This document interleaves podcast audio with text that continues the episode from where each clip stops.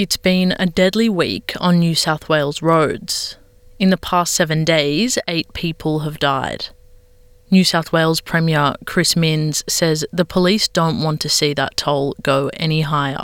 We're heading into the busy Christmas period, and our real concern is that road toll will increase over the Christmas New Year period. So the message is slow down.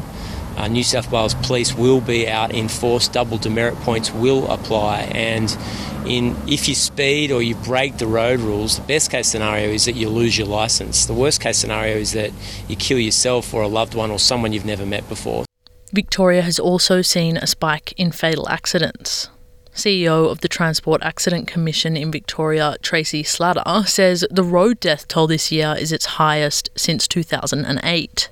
Well, we are seeing some unusual numbers in that overall situation this year, and one of them is is that we're seeing that death deaths on regional roads are an ongoing challenge, and that has actually increased by more than thirty percent this year.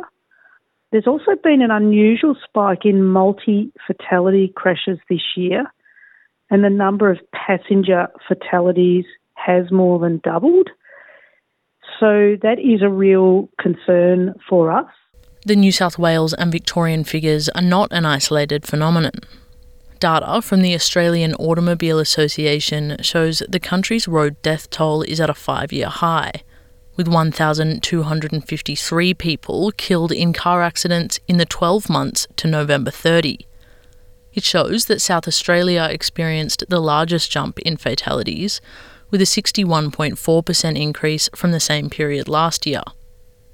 Chris Minns says a return of people to the road after the height of the COVID pandemic could be driving the increase. Any life lost on New South Wales roads is devastating for the family and friends of that person. Um, obviously, 2023 is a non-COVID year. There was changes to driving and behaviour in 2022. So, regrettably, and as awful as the statistics are, uh, we've seen an increase in 23 over 22. Amber Community, formerly known as Road Trauma Support Services Victoria, is a group dedicated to providing free support and counselling to those impacted by road trauma. Their CEO, Bernadette Nugent, says that road trauma and fatal incidents are not always the result of high risk driving. I think that there is probably a lack of acknowledgement in the community about who is impacted by road trauma. I think sometimes we can make assumptions that it's the people at the worst end of offending on the road, so people who are driving at, excessive speeds or uh, influenced by drugs and alcohol, but there's a lot that's happening that is causing road trauma that are the normal everyday mistakes that people make that, you know, uh, is definitely contributing to the statistics as they are this year.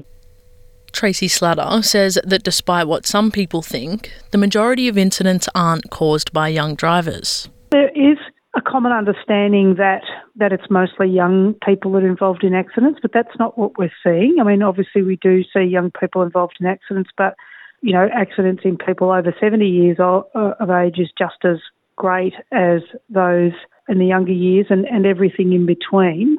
Across the board, we see speed as the critical factor in road trauma, and we're certainly calling on all Victorians to slow down and drive to the conditions. And the speed limit isn't a target speed; it's a it's a limit, and the conditions and the circumstances mean that often you need to drive at a speed lower than the than the speed limit.